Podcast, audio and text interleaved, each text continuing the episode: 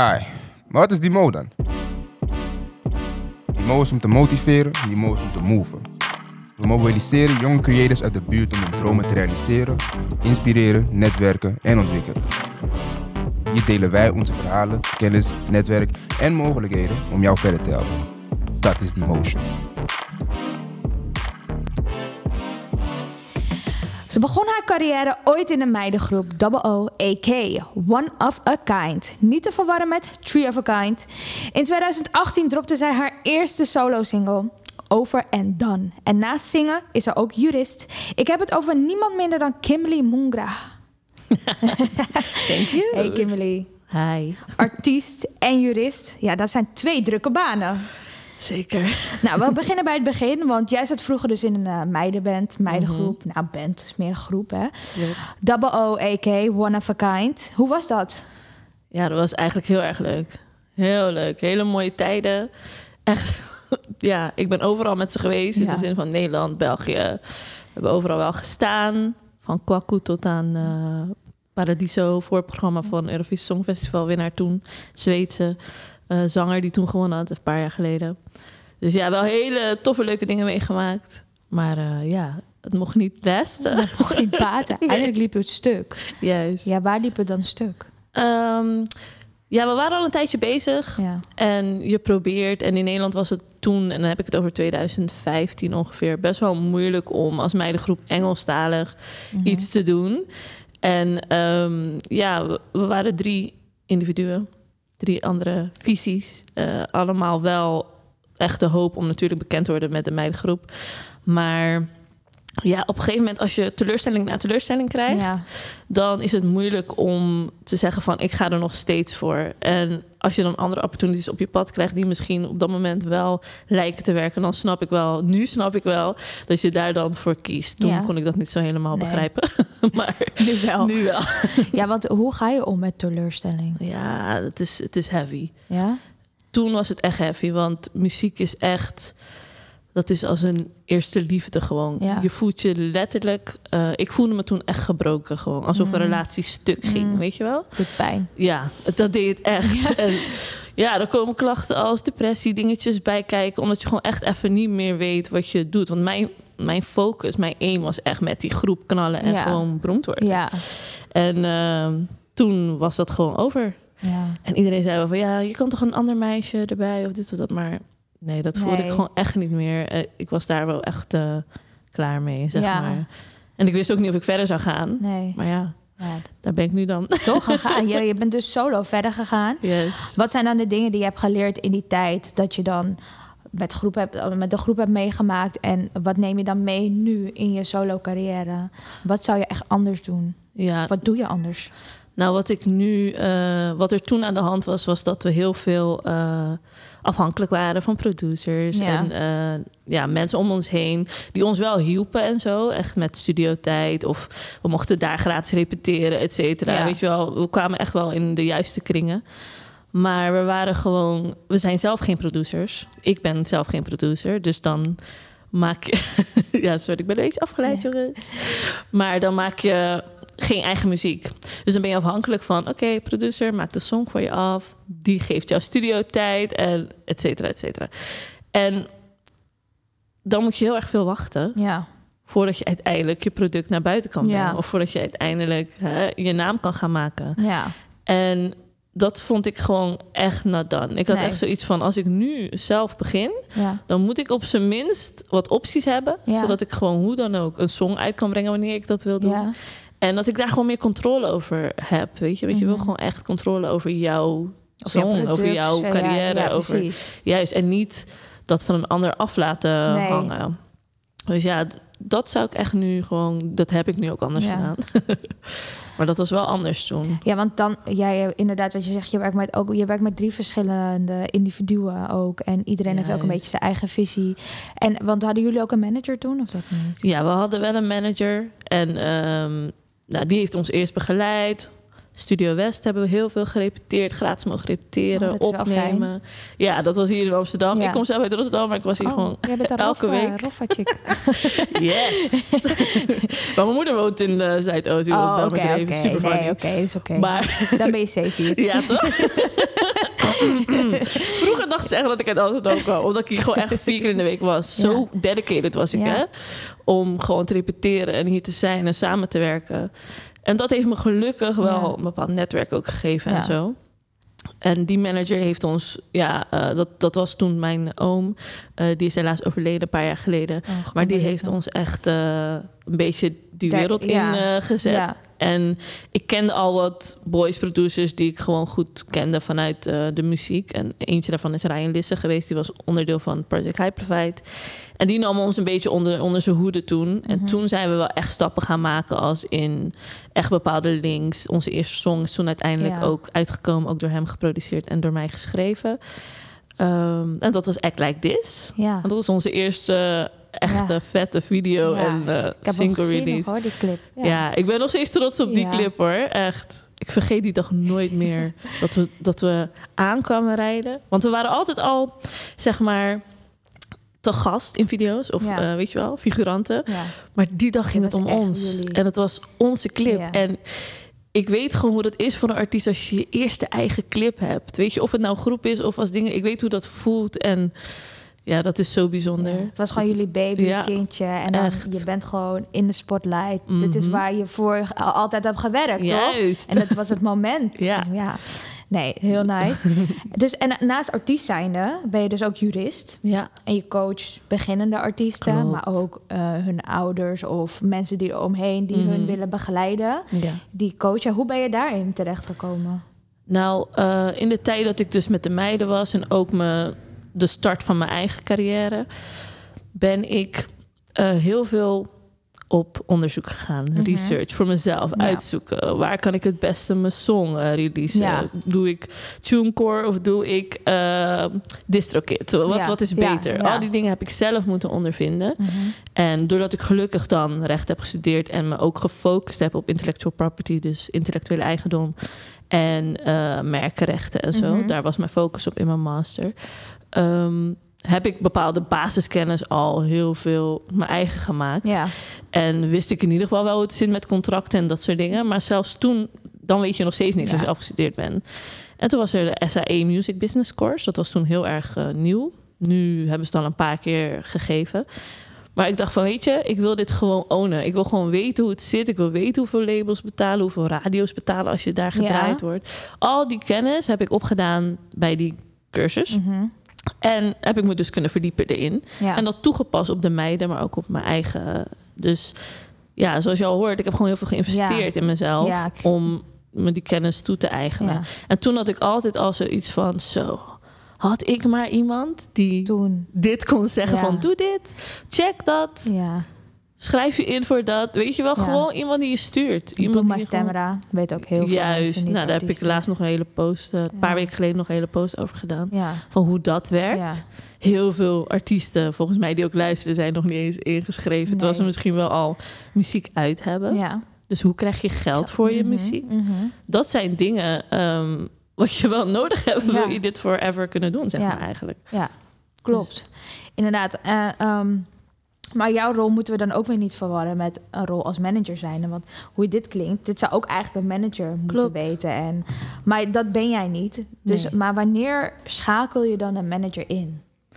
Een manager, ja, eh, een manager is echt afhankelijk van jou als persoon, hoe je erin staat. Weet je zelf al heel veel, is jouw netwerk al heel erg groot. Ehm, dan kan je heel veel zelf nog doen. Kan je heel veel zelf contacten leggen en ehm, onder, eh, ja, onder de, hoe zeg je het nou? kan je heel veel, heel veel actie ondernemen Ja. zelf, zonder dat je daar iemand nodig voor hebt. Ja. Ehm, een manager is iemand die echt dichtbij je staat. Mhm. Echt jouw persoonlijke journey ja, Begeleid. begeleidt. Ja. En sommige mensen, als ik gelijk aan een voorbeeld denk van vroeger, een eh, aantal producers die ik kende, hele goede jongens, die waren getekend door een best wel bekend managementbureau. Mhm. En dat was het, want zij hadden heel veel grote Ja. artiesten onder zich. Maar zij waren nog niet zo bekend. Dus het managementbureau, omdat ze natuurlijk al andere artiesten hadden die eigenlijk wel hun verdiensten ja. binnen. Deze niet zoveel voor die jongens. Mm. Dus dan ben je getekend. En dan. Alle deals die ze eigenlijk voor elkaar kregen, wat ze zelf hadden gefixt, verdienen die manage- managers wel op. En dan vraag je je af van oké, was het dan in hun geval nodig, aangezien ze toch al die contacten zelf legden. Ja. Dus als jouw netwerk zodanig sterk is Ja. en je bent daar zelf ook best wel vaardig Ja. in, dan is het niet direct nodig. Maar uiteindelijk, wanneer je die stap maakt en je song heeft succes en Mhm. je, je aandacht groeit, je fame groeit, je social groeit, ja, dan ga je toch iemand nodig hebben die dat voor je overziet Ja. en die de bullshit Ja. voor je blokt. Ik noem mijn manager echt een bullshit blokker. Ja, ja, ja. Ja. Ja, inderdaad. Dus bepaalde aanvragen. Ook het onderhandelen van prijzen. Want ik snap ook dat heel veel mensen Yes. daar bijvoorbeeld heel veel moeite mee hebben. En een Mhm. manager die kan gewoon zeggen: nee, dit en dit is het tarief voor die persoon. Ja. Voor meer of minder doet diegene het niet. Inderdaad. En dan zelf is het misschien wat moeilijk om te zeggen. En dan kan die andere, die persoon dat voor jou doen bij wijze Klopt. van. Maar ook wat je zegt, inderdaad. Je moet gewoon zelf echt gaan investeren. Mhm. In, je moet zelf weten in wat voor wereld je terechtkomt. Want als je dat niet weet, dan, ja, dan eh, ben je een uh, ja, dood. Dan speel je eigenlijk echt met je carrière. Ja, ja, dat precies. is letterlijk wat je doet. Ja, En ik, ik kan me geen artiest voorstellen die dit doet om maar gewoon even, ik zie wel twee jaar. Nee, je bent artiest omdat je gewoon, dit leef je, dit adem je. Dit is iets wat je gewoon echt nog lang, lang wil doen. Dus ja, investeer dan ook in goede begeleiding, Ja. goed team om je heen. En dat doe je door eerst gewoon goed jezelf in te dekken, door kennis op te doen, door mij op te zoeken op social Ja, media. Dus wat, weet want je wel. stel, ik ben een artiest, hè, ben Ja. het beginnende en ik kom naar je toe. Wat zijn dan de eerste stappen die we dan gaan ondernemen? Nou, als je naar me toe komt, ga ik gewoon lekker met je in gesprek. Ja. Even gewoon chill van, ja, wat doe je allemaal? En hè, wa- waar wil je naartoe? Vooral, waar wil je naartoe? Ja, Wat is jouw visie? Wat, waar wil je heen? Wat, waar zie je jezelf over een aantal jaar of over een half jaar, weet je? ja. Ehm, en die visie, die moet je vastleggen. mhm, Visie, ik, kijk, er zit zoveel kracht in woord en geschrift, ja. maar ook in het uitbeelden. Dus het ja, een beetje werkelijk maken, zeg maar. En ik werk altijd met een vision board zelf. Oh, ik heb er ook eentje gemaakt laatst. Ja, echt. Ja, ik, Toevallig. is krachtig hoor. Ja. Board is krachtig. Als je 's ochtends opstaat en je ziet dat ding voor je, dan zie je gewoon elke keer weer een image voor je van: oké, dat is waar ik naartoe Oh, wil. ik heb hem wel in de kast gedaan, dus ik moet hem even weer eruit halen. je moet hem Oh. zichtbaar. Nee. Oh, of ja. in de ergens in de gang waar, je Ja. altijd, waar je altijd passeert, Mhm. zodat je hem ook ziet. Want anders dan heb je dat geheugensteuntje niet Ja. van: oké, want dat is je why. Ja, Je why is heel belangrijk. Waarom doe ik wat ik doe? Mhm. Vooral als artiest. Je hebt heel veel ups en downs. En Ja. als je dan niet meer voor ogen hebt waarom jij dit ook alweer wilt bereiken, dan, ja, dan geef je op op een Ja. gegeven moment. Of dan zeg je van ik heb er geen zin meer in. Of je gaat hele andere dingen doen die je eigenlijk niet wilde. Nou, dus daar beginnen we mee. Visie helder krijgen. Visie, waar wil je staan? Oké, ja, Juist. waar wil ik staan? En daarna, je hebt natuurlijk waar je nu bent. Misschien heb je net een song uitgebracht. Je hebt wat streams. Je wil ook een clip doen. Maar ik weet eigenlijk niet hoe het nou bij de mensen komt. En hoe Buma werkt. En hoe Ja. ik... Weet je, al die dingen. Die stappen daartussen. Daar kom ik dan bij kijken. Dat ik je begeleid. En ja, gewoon meetrek. Weet Ja. je, in die hele journey. Om naar jouw einddoel te komen. Naar die Ja. visie. Dus kijk, ik geef je niet een, eh, een formule en bam, nu ben je succesvol. Dat Nee. bestaat niet. Nee. Voor alles ga jij moeten inzetten, moeten werken. Maar kan je wel die ingrediënten geven die ervoor kunnen zorgen Ja. dat je succesvol eh, wordt Ja. in je carrière. Inderdaad, dus jij geeft de ingrediënten en ja, ik moet ze zien, bij elkaar zien te krijgen en een maaltijd voor te bereiden. Juist. En het eindproduct. Zo, dat is echt grappig, want ik dacht aan de soep. Van, als je nou de lekkerste soep van heel de wereld wil maken... en ik geef jou die en die ingrediënten... dan is er een bepaalde volgorde. Ja, Dat kan je doen. Ja. Maar uiteindelijk, jij moet hem maken. Ja. Dus jij moet het erin doen, Ja. jij moet roeren, Ja. jij moet... Weet je, ja, dat, dat is gewoon zo. Je moet voor alles... Voor niks gaat de zon op, weet je. dat is waar. Ja. Helder. En, en ja, dan hebben we, we hebben het net ook over managers gehad, maar bijvoorbeeld labels, recordlabels, die komen er ook bij kijken. Mhm. Dus ehm, je adviseert artiesten ook bij het tekenen van contracten. Want ja, je bent jurist, contracten. Ja, Ja. niemand wil dat lezen. contracten, dat is, als je het ziet, dan denk je... nee, weet je, ik teken het wel gewoon. Ja. Maar ja, wat, wat, is, wat zijn de consequenties daarvan? En wat zijn eigenlijk ook echt de drie valkuilen die jij het meest hebt zien ja, Mhm. voorbij komen? Mijn maag draaide gelijk toen je zei: eh, Ik teken het wel gewoon. Want dat is echt cringe. dat is gewoon echt. Nee, man. Ik, ik, ja, ik wil echt iedereen zeggen: Doe dat alsjeblieft nooit, nimmer, nooit. Want het is zo gevaarlijk als je dat doet. Je weet gewoon echt niet waar je je dan in bevindt. Wat er met je rechten gebeurt. Wat jij moet doen, wat je moet opgeven. Dat staat daar allemaal in. Hè? En dat is, Ja. voor, dat is voor de rest van je leven in heel Ja. veel gevallen. Want heel vaak staat er bijvoorbeeld in een contract dat je je masterrechten overdraagt voor eeuwig. Dat is heel vaak een zinnetje wat erin staat in een Oh. licentiecontract voor Ja. een single of Ja. zo of voor een EP. Ja, Weet je wat je dan doet? Dat betekent dat je je rechten weggeeft voor eeuwig ja, aan dat label. ja, Dus dat is al bijvoorbeeld één ding Ja. waar je al denkt van... oké, wist je dat wel, hoe dat zit? Wat dat betekent, je masterrechten overdragen. ja. Om het even een uitleg te geven, masterrechten... eh, mensen denken altijd, huh, wat zijn masterrechten? Masterrechten zijn eigenlijk, die liggen bij degene die betaald heeft voor de productie. Dus in heel veel gevallen, als je bij een label tekent, dan hebben zij de masterrechten omdat zij hebben betaald voor de producer, de opnamesessie, de mix, et cetera. Maar tegenwoordig, iedereen neemt thuis op, heeft zijn eigen laptop, eigen studio. Die kent wel een mixer of kan het zelf. Dus dan doe je al heel veel investeringen zelf. Dus eigenlijk heb je al heel veel kosten op jezelf genomen. Wat doet het label dan nog? Eigenlijk is het label om talent te ontwikkelen Ja. en je te positioneren in deze industrie. Eh, tegenwoordig is dat natuurlijk gewoon echt niet meer zo. Je moet heel veel, heel veel zelf doen. Wil een label interesse in jou Ja. hebben. En dat betekent dat je al bijna miljoenen streams, soms willen ze dat je hebt, of een following van weet ik hoeveel K-volgers. ja, En dan denk je bij jezelf, maar als ik dat al heb, waar heb ik jullie dan nog voor nodig? ja. Eigenlijk. Mhm. En dan heb je toch in zo'n geval, omdat het misschien een naam is, als een, als een Top Notch of een Universal of een Avalon of een, een van die grote labels Ja. nu. Dan denk je, ja, want daar zit Doughboy, wil daar, je zit, ja, daar wil ik heen. Precies. Maar vervolgens weet je niet waarvoor je tekent. En kom jij er misschien helemaal niet zo uit als die artiesten die je adoreert, zeg maar, weet je? Omdat je niet opgelet hebt van, wat doe ik? Wat, wat ga ik hiermee? Wat gaat er gebeuren in de komende drie jaar, Ja, dus vijf jaar? Het is sowieso belangrijk als je zo'n contract kijkt. ja, Het gaat nooit meteen akkoord. Teken Nee. nooit. Later door iemand checken. checken. Laat het screenen, dat is ook een van mijn diensten. Ik heb gewoon een dienst die heet screening van contracten. Dan stuur je mij gewoon je contract. Joh, ik wil dit tekenen, maar ik weet gewoon niet of er een beetje gekke dingen in staan. Dan ga ik gewoon dat doornemen. Ik doe een gesprek met jou. Ik geef je gewoon ook punten aan van kijk, dat puntje daar. Uh-uh, Ja. daar moet wat anders voor. Of ik leg in ieder geval uit van, joh, als je toch tekent, weet dan dat dit en dit de gevolgen kunnen zijn. Weet je, een beetje Ja. risico inschatten Ja. zodat, ook al teken je, dat is misschien niet erg, maar dan weet je wel bewust waarvoor je tekent. En dat, dat is echt wat ik bij artiesten wil wakker schudden van bewustwording. ja. Weet waarvoor je tekent en wat Ga je niet voor die money. Ga niet alleen voor die... Ja, je moet voor money gaan, Ja. maar wel voor longevity. Weet je, dus wel dat het echt... Niet op korte termijn, maar op lange termijn. lange termijn. Weet je, het is investering in jezelf. Ja. Dus ja. En inderdaad, waar we, oké, dan heb je die contracten. En wat zijn dan de meeste valkuilen waar we Oh ja, de valkuilen? Ehm, ja, er zijn er zoveel. zijn Top er drie, echt top veel. drie. Ja, top drie.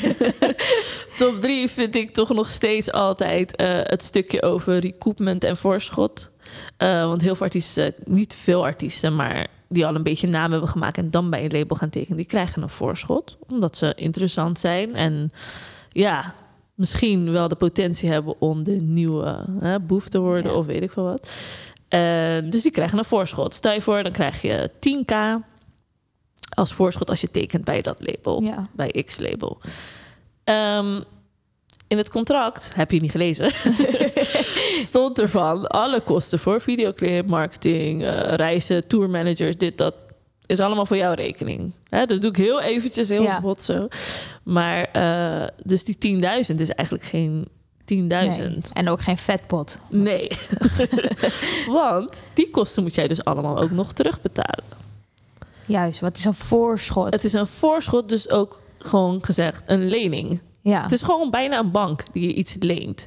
En dat moet je terugbetalen. En hoe ga je dat terugbetalen? Door je successen. Door je song die op nummer 1 komt. Door misschien appearances die je ergens doet, sponsordeals, et cetera. Dat zijn de manieren waarop je het kan terugbetalen. Ja.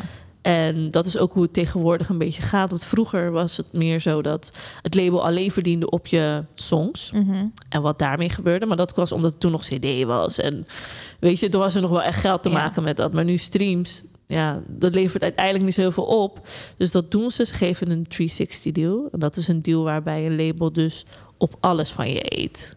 Wat niet zo heel erg is. Nee. Want. Maar- in zo'n geval Ja. zorgt het ervoor dat je dus sneller gerecoupt bent. Dus Ja. je voorschot inhaalt. Ja. Dus, dus heel veel mensen denken altijd dat het heel slecht is, 360. Maar het is ook weer niet heel slecht. Want het zorgt er wel voor dat je je schuld sneller inlost. Maar aan de andere kant, ja, al die andere deals moet je ze ook wat geven. Weet je? Terwijl je misschien Dus dat je zelf hebt blijft maar geregeld. ze Ja, blijven eten. precies. Jij blijft maar geven eigenlijk. Nou, dat is dus een van de valkuilen. Let daar gewoon op wat daarin staat. Wat jouw rechten daarin zijn. Wat spreek je daarover af? Eh, wat neemt het label echt voor zich? Ja. Wat mag je zelf doen? Weet je, wat mag je Want zelf het hoeft dus bijvoorbeeld niet. Je kan ook zeggen dat alleen het voorschot betaald wordt en de rest jezelf houdt. Bijvoorbeeld. Het kan, jij hebt gewoon heel veel Of- constructies, zeg maar, weet je. Maar dan moet je gewoon wel over in onderhandeling. Ja, oké. Ja, je moet gewoon onderhandelen. Juist, Ja. gewoon onderhandelen. En ja, dat is natuurlijk afhankelijk van jouw positie als artiest. Wat jouw positionering was voordat je gaat tekenen. Daarom zeg ik altijd eigenlijk, doe eerst zoveel mogelijk zelf. Want Ja. dan kan je jezelf ook beter positioneren. Ehm, tweede is, ehm, heel vaak wordt er, als het gaat om promotie en marketing... vage termen gebruikt in contracten. Zoals... eh, ja, eh, het label eh, zal al in al zijn macht en al zijn... Weet je, allemaal van dat soort taalgebruik. ehm, in alle macht zijn best doen om de artiest zo goed mogelijk te markten. Ja, de hele moeilijke taal. Ja, En jij denkt, oké, jij denkt, oké, het is eigenlijk best simpel. Ja, maar ja, ze eigenlijk gaan ze zijn heel promoten. slim, heel tricky. ja, want er staat niet specifiek wat ze dan gaat doen. Ja. Wat Dat- is ja, het promotieplan? Wat is het budget daarvoor? Zit daar een videoclip bij? Zit daar mijn covershoot bij? Mm, Hoe zit dat? juist. Zit daar ook de make-up artist bij die ik dan ook moet betalen om mijn make-up te doen voor die cover? Ja. Dat weet je allemaal niet.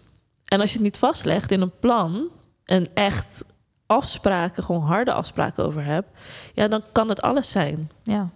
Ik kan dan ook in een WhatsAppje gewoon rondsturen van ja, een nieuwe track van onze, onze nieuwe ster van het label is uit. Ik heb gepromoot. ja. En Ja. eigenlijk in wezen heb je Heb dat je dan dan ook gedaan. gedaan. Maar omdat je Of alleen een post op social media. Ja. Is dat genoeg? Ja. Nee, want we weten allemaal, je kan zulke toffe muziek maken, maar als het niet op de juiste plek gezien, gehoord of gevoeld wordt, dan gebeurt er ook niet zoveel met je song. Ja. Dus je hebt dat nodig. Ja. Dus het moet specifieker zijn van, oké, wat gaan ze dan Ja. doen? En binnen welk tijdbestek? Ja. Breng me gelijk bij eh derde valkuil ding. Dat is eh, voor mij vind ik het belangrijk dat je echt creative control hebt. Dat je gewoon kan bepalen wat voor soort muziek je maakt. Dat je kan bepalen, het gaat in de zomer uitkomen. En niet omdat dan een andere artiest die groter is dan jou, die misschien ook bij dat label is, ook heeft besloten in de zomer uit te komen, dat, Dat jij dan ineens in de koelkast Ja. gaat. Nee, dat je afspraken daarover maakt van luister, ik ga bij jullie tekenen, maar er moet wel binnen een half jaar mijn EP gereleased zijn. Ja. Eh, Weet je, Ja. harde afspraken daarover. En ook over hoe het eindproduct eruit gaat zien. Dat jij dat eh, bepaalt. Dat jij de eindverantwoordelijke bent die over de art gaat en over de muziek. Want heel vaak willen labels nog wel eens daarin sturen. En dat sturen is niet erg, maar als ze voor je gaan bepalen wat jij moet zingen en doen, ben je dan nog je authentieke zelf? Ja, kan je dan precies. nog vinden in wat je doet? Heel Ja. vaak raak je dan best wel last in, in je boodschap, zeg Ja. maar. En dan het publiek kent je dan als die en die persoon, maar zelf Juist. ben je dat niet. En dan wil je straks een an- iets anders doen en dan verlies je je fans bijvoorbeeld. Of je gaat iets anders doen en dan is het van, huh? Waarom doe je dit? Ja. Je bent toch van, van Ja. die song? En dan Ja. zeg je, ja, maar dat wilde ik eigenlijk niet. Oh, dus je had gelogen. ja. Nou, en dan, dan gaat het gewoon, het kan zo ineens in een, eh, weet je, in een zwart gat vallen. En dan, eh, ja, dan ben je Ja, ben je helemaal... eh, ja, Dus het eigenlijk ook weer het belangrijkste is, blijft ook dicht bij jezelf. Dus Juist. Dat is, dat is voor mij de enige manier. ja, Je branding, alles daaromheen... dat werkt alleen het beste als men kan resoneren met wie jij echt bent. ja, Want dat is wat mensen bindt, dat is wat mensen, weet je, Ja. ja. ja. Anders is het ook moeilijk. Je, je kan nooit zo lang een show Nee. Ja, dat, moet je Ja. een hele goede acteur zijn, maar daar word je echt Ja, moe van hoor. nee, dat, dat wil je echt niet. Ja, nee, dat is waar. Dat is Vandaar die visie, weet je, aan het begin van wie ben jij? Wat wil je, wat wil je zijn? En, en hoe dan? Dat, dat, dat zie je dan wel. Maar als je daar wel dichtbij blijft. Ja, nou, mooi. En stel je voor, ehm, er luistert iemand en die denkt, ah, ik wil haar, ik moet haar hebben. Hoe komen mensen bij jou? Ik, ik heb haar Ja. advice nodig. Ja, maar advice eh, heb je zeker nodig. nee, maar eh, je kan me vinden op social media, Instagram, Kimberlegal. Dat is mijn bedrijf, Ja. Kimberlegal. En heel veel mensen denken, legal. Nou ja, Ja, zoals we net hebben gezegd, gezegd, ja. alles is gebaseerd op de contracttijd eindelijk. En die hele business. Dus ja, daarom. Eh, ik ben jurist natuurlijk. Maar op Kimberlegal geef ik heel veel tips. Ik doe ook bijna elke week een music biz tip. Dat is dan gewoon echt een uitgebreide infographic... waar ik gewoon een onderwerp helemaal toelicht... en allerlei tips geef. Weet Net je als dat Boema, wat je zei. Ja, net als Buma. Ik heb een tip gegeven over welke account het het beste is voor artiesten.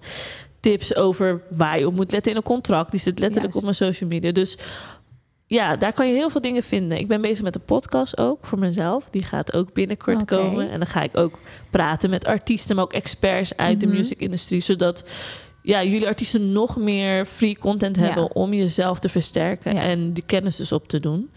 En dat kan je allemaal vinden op mijn social media. Ik heb ook een website www.kimberlegal.com. En mocht je nu na dit denken van... Hmm, ja man, er is toch nog heel veel wat ik niet weet Ja. of wat ik niet begrijp... dan kan je me ook gewoon een e-mailtje sturen. En dan boeken we een call en dan gaan we gewoon praten over, over jouw visie... en over de mogelijkheden voor jou. Ja. Dat kan gewoon naar info.kimberlegal.com. Oké, en je geeft ook masterklassen? toch? Yes, ja, binnenkort heb ik een masterclass. En eh, ja, dan ga ik gewoon ook weer eventjes echt de basis even toelichten. Ja. En wat ik voor mensen kan betekenen en eh, ja, wat belangrijk is. Ik ga dan Ja. natuurlijk ook weer gewoon een paar goede tips geven. Die, ja, waarmee je echt wel eh, je voordeel mee kan doen. Ja. En daar ga ik het hebben over een aantal leuke dingetjes. Onder andere ook een programma wat ik aan het bouwen ben. Speciaal voor die artiesten Oh ja. die gewoon denken... oké, hoe ga ik dit dan doen allemaal? Ja. Leuk wat ze zeggen, Ja. maar hoe moet ik dat doen? Nou, daar vertel ik in die masterclass meer over. Oké, nee, super interessant. Conclusie van het verhaal. Wees jezelf. Ga voor jezelf na van wat is mijn visie? Wat, wat wil ik doen? Wat wil ik bereiken? Wie wil ik bereiken? En wat is mijn doel? Mhm. Investeer in jezelf. Dus Yes. ga op onderzoek uit. Ga een journey. Ja, je moet weten in welke branche Mhm. kom ik terecht. En als je dat niet weet, ja, dan, dan, ben- dan, dan, ben je, Juist. dan ga je falen. Ik, ja, ik zeg, en falen is, weet je toch, falen, dat doen we allemaal, maar veel forward. Dat Ja. je leert, weet ja, je? leer van je fouten. Leer van je fout. En ik- ja, ik zeg het altijd. Ik vind de tijd als eh, artiest dat je alleen maar creative kan zijn. En gewoon, ik wil alleen maar muziek doen. Mooi, maar je bent een product, je bent een ondernemer, je bent een bedrijf. Dus run je bedrijf. Investeer in je kennis. Ga gewoon dat eigen maken, zodat je jezelf kan beschermen en ook zelfverzekerd bent wanneer je nieuwe Mhm. mensen moet aannemen, wanneer je moet gaan kijken naar die manager en Ja. et cetera. Dat je gewoon weet wat zo'n manager voor eigenschappen moet hebben Ja. en kwaliteiten, Ja. weet je? Dat je, dus je weet waar je naar moet eh, kijken, Ja. gewoon. Weet wat je kan verwachten en op wie je kan bouwen. Je hoeft niet alles te weten, maar, het is wel jouw basis. verantwoordelijkheid Ja. als artiest om gewoon dat voor jezelf te weten. Kimberly, ik bedank je. Oh, graag gedaan. Ik vond het echt leuk. ja, echt nice. Dankjewel voor de having me. Graag Thanks gedaan. for having me. Ja, jij bedankt voor al je info. Ik kan het zelf ook al goed gebruiken. Ja, iedereen hoor. Iedereen, Echt. ja. Ja, Dus- ik wou dat ik dat ook had. ja. nou, je bent er nu, dus dat is ook belangrijk. Ja, en I just love to give back. Ik heb gewoon echt zoiets van, weet je, wat ik weet, mogen jullie allemaal van mij weten. Ik, eh, Ja, fijn. Heel fijn. ja, daarom check mijn social, Ja. Instagram. Gaan we doen. Deze podcast is mede mogelijk gemaakt door Stadsdeel Nu-West, Melkweg, Paradiso Melkweg Productiehuis, Jalla Jalla en nu Metropolis Nieuw-West.